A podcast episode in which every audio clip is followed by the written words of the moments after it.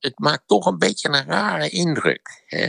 Dat je goud in handen hebt en, en het verkoopt. Het is allemaal verkocht. En nu zitten ze met een snurkapparaat. Het verlossen, kunt u mij horen? Het is interessant. 20 eh, september, dan hebben we weer een live podcast. En dan gaan we één onderwerp centraal stellen. Dus we geven een soort van mini-college. we zoeken daarvoor nog eh, een onderwerp. Je kunt uh, jouw ideeën via de socials naar ons toesturen. Maarten Podcast op Instagram. Laat van je horen. En dan gaan we later een onderwerp uitkiezen waar we het over gaan hebben. Als je erbij wil zijn, er zijn nog kaartjes. De link staat in de show notes. We hebben vandaag, Maarten, verschillende onderwerpen waar we uit kunnen kiezen. heb jij een voorkeur? Nou, misschien kunnen we iets over dat ASML zeggen. Want daar, waren ook veel vragen over. Ja, zeker. Over dat ASML en met name ook opmerkingen van eh, mensen die er werkelijk verstand van hadden. En die ons nog eens eh, omstandig hebben uitgelegd dat als je in Europa een zelfstandige, omvangrijke en hypermoderne chipsfabricage op gang wil brengen, dat daar een heleboel voor nodig is. En dat we dan nog van alles nou moeten doen om dat uh, voor de bakken te krijgen. Nou, dat lijkt me op zichzelf een nuttige observatie. Want ik denk wel dat dat nuttig is om dat te doen. We hebben dat ook al ten aanzien van die medicijnen gehad. We hebben nu wel gemerkt ja, dat, dat de, uh, laten we zeggen, die wereldwijde productieketens, dat dat heel aardig is en goedkoop en waarschijnlijk zeer efficiënt. Maar dat, ja, dat zolang die landen volstrekt onbetrouwbaar zijn als leveranciers op de lange termijn, dat je natuurlijk wel moet nadenken over alternatieven voor het geval dat het in die contraien misgaat. Of dat nu is chaos in India, of dat dat nou is uh, een, een, verdere verscherping van het, naar mijn idee, nogal nutteloze conflict tussen de Verenigde Staten en China. Even afgezien van de Taiwan-kwestie. Uh, ja, dat lijkt mij toch een reden om eens te kijken of je daar in Europa niet een, een, een zelfstandige sector van zou kunnen maken. Waarbij helemaal niet gezegd is dat die alles zou moeten leveren op dit terrein wat mogelijk is, wat leverbaar mogelijk is. Maar wel dat je, dat je in noodgevallen een dergelijke backup hebt. Ja, er wordt altijd gezegd, ook op je eigen laptopje, zorg dat je een backup hebt. Heb ik een backup? Eigenlijk niet, moet ik bekennen. Zo zie je maar weer. Eigenlijk eh, is die cloud van, van, van Apple is mijn enige backup eigenlijk je moet het eigenlijk misschien nog op je lokale schijf ook zetten. En uh, misschien ook nog wel op een, op een uh, ja, schijf die helemaal los staat daarvan nog. Dat je het op drie ja, Ja, ja, ik weet het, ja. ja. Maar volgens mij, is, voor zover het echt nuttig is, zit het wel in die cloud zo'n beetje. Ik heb die cloud ook iets opgerekt.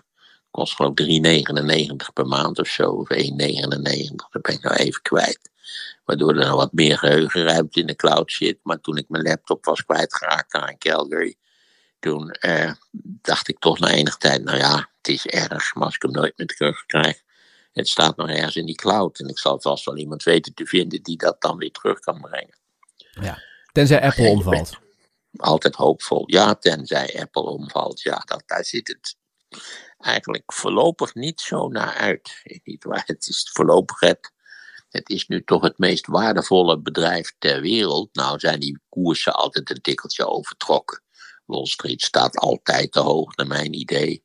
En, en ja, als er natuurlijk, het, is, het is lastig tegenwoordig. Er is veel geld en het aantal investeringsmogelijkheden zijn beperkt, waardoor voortdurend dingen belachelijk duur worden, omdat dat dan tijdelijk de investeringsmogelijkheid is. Het geld klotst rond in de, op, in de wereld. Ja. Wat uh, ook onder andere door Wilco van Asseldonk werd gezegd, is uh, wat nog steeds niet aan de orde komt uh, in de podcast, zegt hij, is dat Nederland naast ASML nog een significant bedrijf heeft. Ja, nee, nog een zeer interessant bedrijf, namelijk Philips Halfgeleiders, tegenwoordig NXP geheten.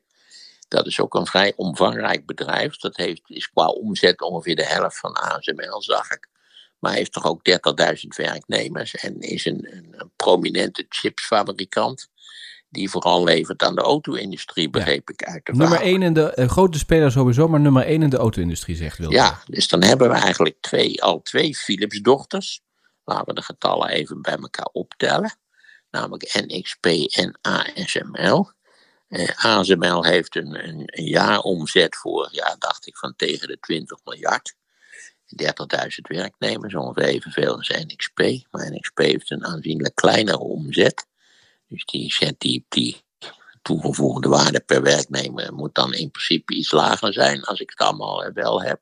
Maar goed, het is interessant dat dus twee dochters van Philips samen 60.000 werknemers in een van de modernste en meest high-tech-achtige sectoren van de economie. Eh, met, met een omvangrijke omzet. En, en als je ook naar de beurswaarde van ASML kijkt, misschien lichtelijk overgewaardeerd door het modieuze karakter van de activiteiten van het bedrijf. Maar het is toch indrukwekkend. En dan begin je toch bij jezelf eh, achter je oren te krabben. Tenminste, daar moet je toch krabben als je onzeker bent. Of, waar moet je iets zijn, moet je ergens anders krabben. Nee, je mag overal krabben, maar daar kan het Oh, je mag overal krabben. Ja, wat mij Oh, ik betreft dacht dat er bij onzekerheid een speciale krablocatie was. Maar hij krabde zich achter de oren. Nee, dan kun je dat niet zeggen. Of op zijn kruin, dat hoor je toch ook wel eens? Ja, op de kruin. Ja, die begint bij mij te dunnen, het, de kruin. Ehm, maar goed, eh, waar we ook krabben. Eh, Je begint jezelf natuurlijk toch af te vragen: heeft Philips in de tijd wel op het juiste paard gewet? Eh, dat we zeggen, had Philips, nietwaar, die natuurlijk toch een, een deel van zijn eh, oudere activiteiten, die eh, rendeerde matig. Hè, neem televisieproductie of, eh, gloeilampen, dat soort van zaken. En toen hebben ze natuurlijk gekozen voor die medische sector en, en, en, en apparatuur waarmee mensen zichzelf eh, kunnen genezen, van het snurken kunnen afbrengen of ik voor wat. Hadden ze niet veel beter in die, in die halfgeleider en, en chips business door kunnen gaan. Want ik zal je nog iets anders raars vertellen. Toevalligerwijs zag ik op het internet dat bij de oprichting van TSMC, dat is dat bedrijf op Taiwan waar we het over gehad hebben, bij de oprichting van het bedrijf was Philips een van de grootste investeerders. Philips is enige tijd in het bezit geweest van 30% van het aandelenbezit van, van het aandelenkapitaal van TSMC. Tel dit even bij elkaar op en je, je zit in feite op een hele dominante positie. En wat heeft Philips gedaan? Dat heeft al voor het jaar 2000 zijn eh, aandelen in TSMC verkocht. Waar ze goed aan verdiend hebben, dat wel. En bovendien hebben ze natuurlijk die beide dochters verkocht. Hè? Want eh, ASML is naar de beurs gegaan in 1995. En NXP is volgens mij ook verkocht door Philips. Dus Philips had in feite een hele grote speler kunnen zijn. Als ze dat strategisch een beetje gebruikt hadden. Tenminste, zo dacht ik erover. Ik moet er direct bij zeggen, ik ben bepaald niet een man van bedrijfsstrategieën. Maar het, is toch, het maakt toch een beetje een rare indruk. Hè? Dat je goud in handen hebt en, en het verkoopt. Het is allemaal verkocht. En nu zitten ze met een snurkapparaat. Ja. Ik vind het nog wel interessant bij NXP dat zij dus uh, uh, zowel uh, chips ontwerpen, maar ze ook fabriceren. Hè? Onder andere in die grote fabriek in, in Nijmegen. En ja, in Arizona. Ze ja, ze hebben ook nog een fabriek in Amerika. Ja, TSMC gaat ook een fabriek in Amerika bouwen. Kennelijk ook met het idee een soort van backup te hebben als het toch niet waar ten aanzien van de, locatie Taiwan, als daar toch grote problemen over zouden kunnen ontstaan. Maar een interessante vraag is natuurlijk, eh, hoe is ASML zo groot geworden? Hoe komt het dat ASML de dominante leverancier van die, van die uh, weversteppers is, zoals die machines heten? Dat is natuurlijk wel een interessant verhaal. Dan kan je verzekeren dat als je dat even in detail bekijkt, of in iets meer detail, dan is, heeft ASML regelmatig op de rand van de afgrond gestaan dat het echt dreigde volkomen mis te gaan. En ook hier moet je zeggen, ja, heeft Philips in allerlei opzichten raar geopereerd. En daarvoor moeten we even een paar stappen terugzetten, want wat, zijn dat eigenlijk precies voor machines? In 1947 is de, hoe heet het, de transistor ontdekt. Wat is een transistor? Om een heel samen, simpel samen te vatten. Ik bedoel, ik ben ook geen elektrotechnicus, maar een, een, transistor kan een versterker zijn en een transistor kan een schakelaar zijn. Het kan allebei de functies vervullen. Op chips zijn de transistors meestal schakelaars, heb ik begrepen. Uh, nou ja, toen die transistor eenmaal ontdekt was, dat kan je betrekkelijk klein uitvoeren. Kreeg je printplaten met meerdere transistors en, en een geïntegreerde schakeling, zal ik maar zeggen. Tot iemand op het idee kwam om die dingen op een, een heel klein stukje silicium af te drukken, zo'n geïntegreerde schakeling. Dat is gebeurd in de late jaren 50, eigenlijk door twee verschillende personen, waarvan de een geloof ik een Nobelprijs heeft gekregen, de ander weer niet. Maar in ieder geval toen begon ze duidelijk te worden dat je met bepaalde technieken op een relatief heel klein dingetje, niet waar, zo'n zo'n chip dingetje, dat je daar een hele grote gecompliceerde schakeling op zou kunnen projecteren. Want dat is. En zo is die zogenaamde eh, lithografie tot stand gekomen. Die, want dat, dat hele proces om dat op zo'n klein plaatje silicium te krijgen, dat is in feite een fotografisch proces. Eh, en dat betekent eerst maak je dus een ontwerp van die geïntegreerde schakeling. En dan wordt dat ontwerp, dat wordt door middel van, dat wordt door middel van een hele sterke lens, wordt dat verkleind. En dat wordt geprojecteerd op een stukje silicium wat fotografisch uh, gevoelig gemaakt is. Er is nog één andere techniek die, waarmee je dat in feite, die verkleining nog wat effectiever kunt laten plaatsvinden. Maar daar zal ik het zo even over hebben. Maar nu even, uh, het Philips Natuurkundig Laboratorium had al in 1972 zo'n weverstepper ontwikkeld. Maar Philips was eigenlijk op dat moment niet geïnteresseerd in weversteppers. Zag misschien de mogelijkheden niet. Uh, had zich ergens anders op gericht. Had een andere bedrijfsstrategie. Kortom, ze hebben dat een beetje laten sukkelen. En zij vonden, nou ja, wij willen dat wel ontwikkelen. Maar liefst ook met een andere investeerder erbij. En zo zijn ze aan een, uh, tenslotte halverwege de jaren 80 hebben ze een andere investeerder gevonden, ASMI geheten. Merkwaardig genoeg ook uit de Beeld of Beeldhoven afkomstig. Maar goed, eindelijk hadden ze een tweede investeerder. En toen zijn ze die weversteppers, die zijn ze gaan bouwen. Maar ze liepen eigenlijk toen al een beetje achter door al dat getreuzel. Vanwege de desinteresse van de top van Philips. Niet waar, waren ze ook wel een beetje achterop geraakt. En het idee van Philips was, we willen er best wat geld in steken, zeker wanneer we een tweede investeerder erbij hebben gevonden. Want we hopen dat bedrijf, zodra het wat is, zodra het wat produceert en winst maakt, zo snel mogelijk naar de beurs te brengen. Wat ook in 1995 gebeurd is. En dat geld heeft opgeleverd om verdere research te doen, want dit is een branche waar de research en development van essentiële betekenis zijn en een groot deel van, een aanzienlijk deel van de omzet in research en development moet worden gestoken. Maar bijvoorbeeld in de jaren 91 en 92 hing ASML uh, aan de rand van de afgrond. Daar kwam het eigenlijk op neer. En Philips zei toen, nou ja, we zijn wel bereid om er geld in te steken. En waarom heet het stepper? Omdat die machine, die, laten we zeggen, die belichting verzorgt van die verschillende patronen op die chips, omdat die zich in, in, nou ja, in een soort van stepachtig proces beweegt, voor zover ik het begrepen heb. Maar nu komt eigenlijk de, de reden dat, dat uh, dat ASML een soort van doorbraak beleefd heeft. Dat is in de jaren direct na het begin van deze nieuwe eeuw. En dat heeft te maken met een, een technologie die heet die immersietechnologie. En dat is dat men al eerder had bedacht, zou het niet handig zijn om een laagje water te hebben tussen laten we zeggen, het, het gevoelige materiaal enerzijds, dus dat is die silicium, die, die fotografisch gevoelig gemaakt is, enerzijds, en de lens, die is heel sterk verkleinende lens, anderzijds. Want water heeft een vrij hoge brekingsindex en dat zou ertoe kunnen leiden dat je het nog wat kleiner kunt maken dan toch al mogelijk is. En dat was al wel geopperd, daar was ook wel naar gekeken, maar dat was aanvankelijk niks geworden. En toen was, daar, waren daar wel verbeteringen in aangebracht. En tenslotte, niet waar, hebben de drie grote fabrikanten van wafersteppers, namelijk ASML, Canon, de bekende fotografische producent, en Nikon, idem, die zijn aan het werk gegaan om die immersielithografie tot ontwikkeling te brengen.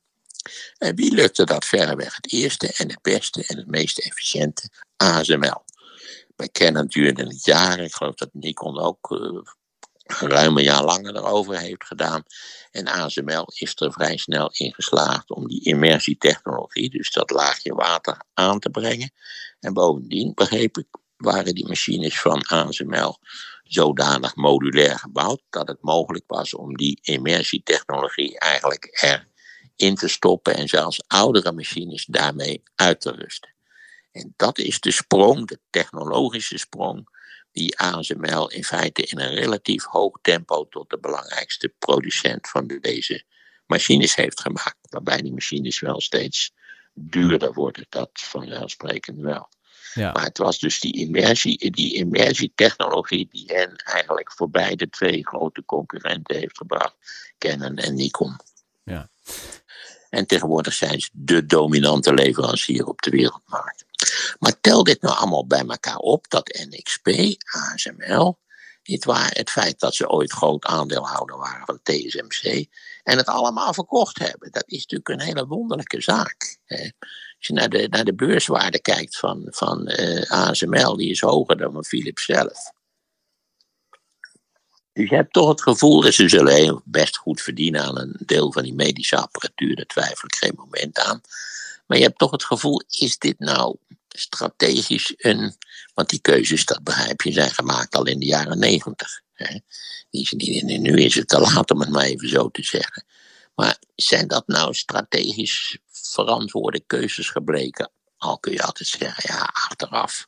Het is altijd makkelijk praten achteraf, maar eh, je hebt wel toch een beetje het, het vage gevoel dat ze goud hebben laten liggen. Hmm. Maar misschien kunnen onze veel beter geïnformeerde luisteraars mij nog eens helder uitleggen waarom het voor Philips voordelig was om eigenlijk die, die lithografie eh, niet zo bijster interessant te vinden. Dat, dat eigenlijk dat een beetje dat lab had daar in feite een, een hele belangrijke vernieuwende rol gespeeld. En ze hebben dat nou ja, tot halverwege de jaren tachtig in feite laten liggen. Hmm. Ik ben benieuwd wat, wat de deskundigen daarvan vinden. Ja, maar in jouw visie zeg je eigenlijk, ze hebben daar een fout mee gemaakt, een cruciale fout. Ja, ja dat komt ook wel een beetje lacherig wordt. En, en, en, en, want als je Philips aanklikt op het internet, op je laptopje, en dan krijg je, het begint met allerlei excuses over het snurkapparaat. En wie je moet bellen en zo. En dat het, eh, jij mij, mij moet uitkijken. En dan gaan ze maar door. Ja, ik geef toe. Dat zijn natuurlijk weer, weer wat anders dan van die grote medische scanners en zo. Maar toch, het, het, een bedrijf wat zodanig in de problemen raakt met een snurkapparaat. En wat dus 25 eh, jaar geleden in feite eh, goud in handen had met die, met die weefversteppers. Dat, dat, dat blijft een beetje gek, toch? In mijn ogen. Hè? Ik ben geen belegger. Ik verwijt Philips niks. Maar het, het lijkt mij een rare strategie al met al. Ja. Frans van Houten ook weg, hè? Die is daarover gestruikeld uh, uh, deze ja. week. Die gaat nu zelf snurken thuis. Ja, is toch jammer, want hij was, uh, volgens mij elf jaar heeft hij het echt ontzettend goed gedaan. Finish in zich, want volgens mij in mei zou hij er sowieso, sowieso mee gestopt zijn. Maar die toezichthouders, die hebben toch ingegrepen. Ja, ja, ja, zo zie je maar weer. Dat je ook op het eind, niet waar, in het eindtraject nog lelijk kunt struikelen. Je kunt ook de Tour de France in de laatste etappe verloor verliezen. Dat is met enige regelmaat gebeurd. We weten gelukkig wel waar de laatste etappe van de Tour de France aankomt. Dat scheelt. Ja. Tegen de tijd, dat zou me nog niet verbazen als er een Nederlandse gemeente was die bereid is om ook de laatste etappe van de Tour de France daar te laten aankomen. Ik zou maar zeggen Den Helder of zo. Het zou toch uniek zijn als de Tour de France in Den Helder met een, met een laatste sprint op het terrein van de boot naar Texel zou worden besloten. Ja. Nog een vraag van uh, Kees, die zegt van uh, de storing in de uitval van consumentenelektronica, zoals uh, tv's en de magnetronen, wasmachine is ongeveer 1%, zegt hij. Dan heeft hij het over medische apparatuur, daarvan is de uitval 0,3%. En dan is de vraag die hij daarbij stelt, is waarom Philips daar dan toch zo hard op afgerekend wordt. Op dat snurkapparaat? Ja. Ja, kijk, omdat het iets is wat iedereen begrijpt, denk ik. Eh, wie heeft er geen snurkers in, zijn familie? Maar je weet dat je vaak af wordt gerekend op betrekkelijke kleinigheden. Terwijl allerlei andere dingen goed gaan, omdat die kleinigheden begrijpelijk zijn. Eh, dat is, dat is net als in de politiek. Daar zijn het vaak kleine struikelpartijen die iedereen begrijpt. Waarvan iedereen denkt, wat is dat stom? Leugentje om best wil, dat kan van alles en nog wat zijn. En dat, dat ja, als het dan eenmaal uh, in, in de aandacht is en bekritiseerd wordt, dan, dan dat is ook de, de aard van de moderne media, dan zwelt het als het ware op. Hè. Dat kan positief zijn, het kan ook negatief zijn. Hè, maar dus dat is de, de nou ja, dat is heet dat niet de drama-democratie. Je kunt van de kleinste dingen kun je een enorm drama maken. Ja. En vooral als het drama van een zodanige aard is dat iedereen begrijpt hoe het zit. En stel je voor, het drama is van, van complexe budgettaire aard, dan, nou, dan krijg je er meestal geen aan naar. Hè. En is, meestal zijn het de geschiedschrijvers die dan pas tot bepaalde conclusies komen. Maar eh, in onze, in onze moderne wereld, niet waar, moet het iets zijn waar, waarvan iedereen s'avonds op de televisie kan begrijpen wat het is. Nou, een snurkmachine die het niet goed doet, dat is iets wat iedereen kan begrijpen. Ik wilde nog eventjes een vraag stellen over dat geopolitieke onderdeel. Hè? Want ehm, welke rol gaat ASML daar de komende jaren in, innemen? Want ze willen nu vooral neutraal blijven, heb ik het idee. Maar zijn ze dat ja. wel? Ja, kijk, eh, ASML had geloof ik wel graag machines aan China geleverd. Uh, ook, ook de allermodernste machines met, die, met die extreem uh, violet, violet licht, ultraviolet, extreem ultraviolet lichtmachines. Maar Amerika maakt daar grote bezwaren tegen. En heeft gezegd dat het dat eigenlijk niet wil toestaan. Dus, dus daar, daar zit ASML eigenlijk klem tussen zijn, zijn zeg maar, wereldwijde economische en, en bedrijfsmatige belangen enerzijds. En, de strategie van de Amerikanen om de Chinezen de allermodernste technologie te onthouden. Anderzijds, je begrijpt natuurlijk ook wel hoe dat af gaat lopen. Omdat tenslotte natuurlijk als de Chinezen die dingen dus niet... Kijk, als ze ze krijgen, kijken ze het ook af. En zullen ze tenslotte zelf nieuwe dergelijke machines gaan bouwen. Als ze ze niet krijgen, zullen ze alles op alles zetten om dergelijke machines zelf te bouwen. En dan zullen ze tenslotte, neem ik aan, als wij het kunnen, waarom zou het dan in China in principe niet kunnen? Daar zullen ze tenslotte in slagen. In die zin is natuurlijk elke technologische voorsprong, die is altijd per definitie tijdelijk. je kunt technologisch een voorsprong hebben enige tijd. Als je in de fatsoenlijke wereld leeft, dan heb je een patent waardoor je dat, zeg, geloof 16 jaar kunt gebruiken. Maar daarna is het klaar. Dan word je gepasseerd. Of dat nu de cupjes van espresso zijn of weversteppers, dat maakt niet zo verschrikkelijk veel uit. Overigens, interessant programma nog over ASML op 12 september. Dan maakte VPRO, VPRO Tegenlicht uh, de documentaire Het Geheim van ASML. Althans, die hebben ze gemaakt de afgelopen periode en die wordt dan uh, uitgezonden. Ah, het geheim van ASML, dat is al helemaal, dat klinkt helemaal alsof het... Uh, dat ze in de Indische kelder een hele leger van geheime kabouters hebben die het in feite bedenkt. Zo geheim is het naar mijn idee, zal het niet wezen. Maar goed, misschien zie ik dat weer iets te simpel. Dat zou kunnen. Oké, nou de tekst in ieder geval die zij schrijven in de aankondiging is uh, dat de chip uh, het strategische goed is waarmee ASML uh, midden op het geopolitieke wereldtoneel staat. Wat is het geheim van ASML? Vragen nee, niet met de chip, want ze maken machines die chips maken. Ja, dit is. Oh, dan moet je... die, worden die, die machines worden geleverd aan zo'n bedrijf als TSMC. En TSMC, niet waar, die produceert met die wafersteppers chips. En je hebt bedrijven die maken ook zelf ontwerpen die chips. Hè? En dan heb je bedrijven die produceren die chips ook weer zelf, dat kan. Maar bijvoorbeeld TSMC maakt, produceert chips, maar ontwerpt ze niet zelf die worden ontwerpt. Apple is een goed voorbeeld. Ik geloof dat Apple tegenwoordig een van de grootste afnemers is van TSMC. Apple ontwerpt sinds enige tijd zijn eigen chips, omdat ze vonden dat Intel de zaak had laten versloffen en geen efficiënte chips meer leverde. Maar die zijn, worden ontworpen door Apple, maar die maakt Apple niet zelf. In zekere zin maakt Apple helemaal niks zelf. Het wordt, al die spullen worden elders geproduceerd. Ja. Maar dit zijn de teksten van uh, Tegenlicht, hè? Dus uh, dit is wat zij op hun Ja, je begrijpt, dat moet ook een beetje het geheim van. Dus dan denk je, oeh, daar gaan we wel even klaar voor zitten. Hè? Ja. Kop koffie ingeschonken, het geheim van ASML. Ja. Het geheim van Mark Rutte. Het geheim van Tessel. Ik bedoel, uh, iets wat geheim is en vervolgens onthuld zal worden, dat, dat scoort altijd.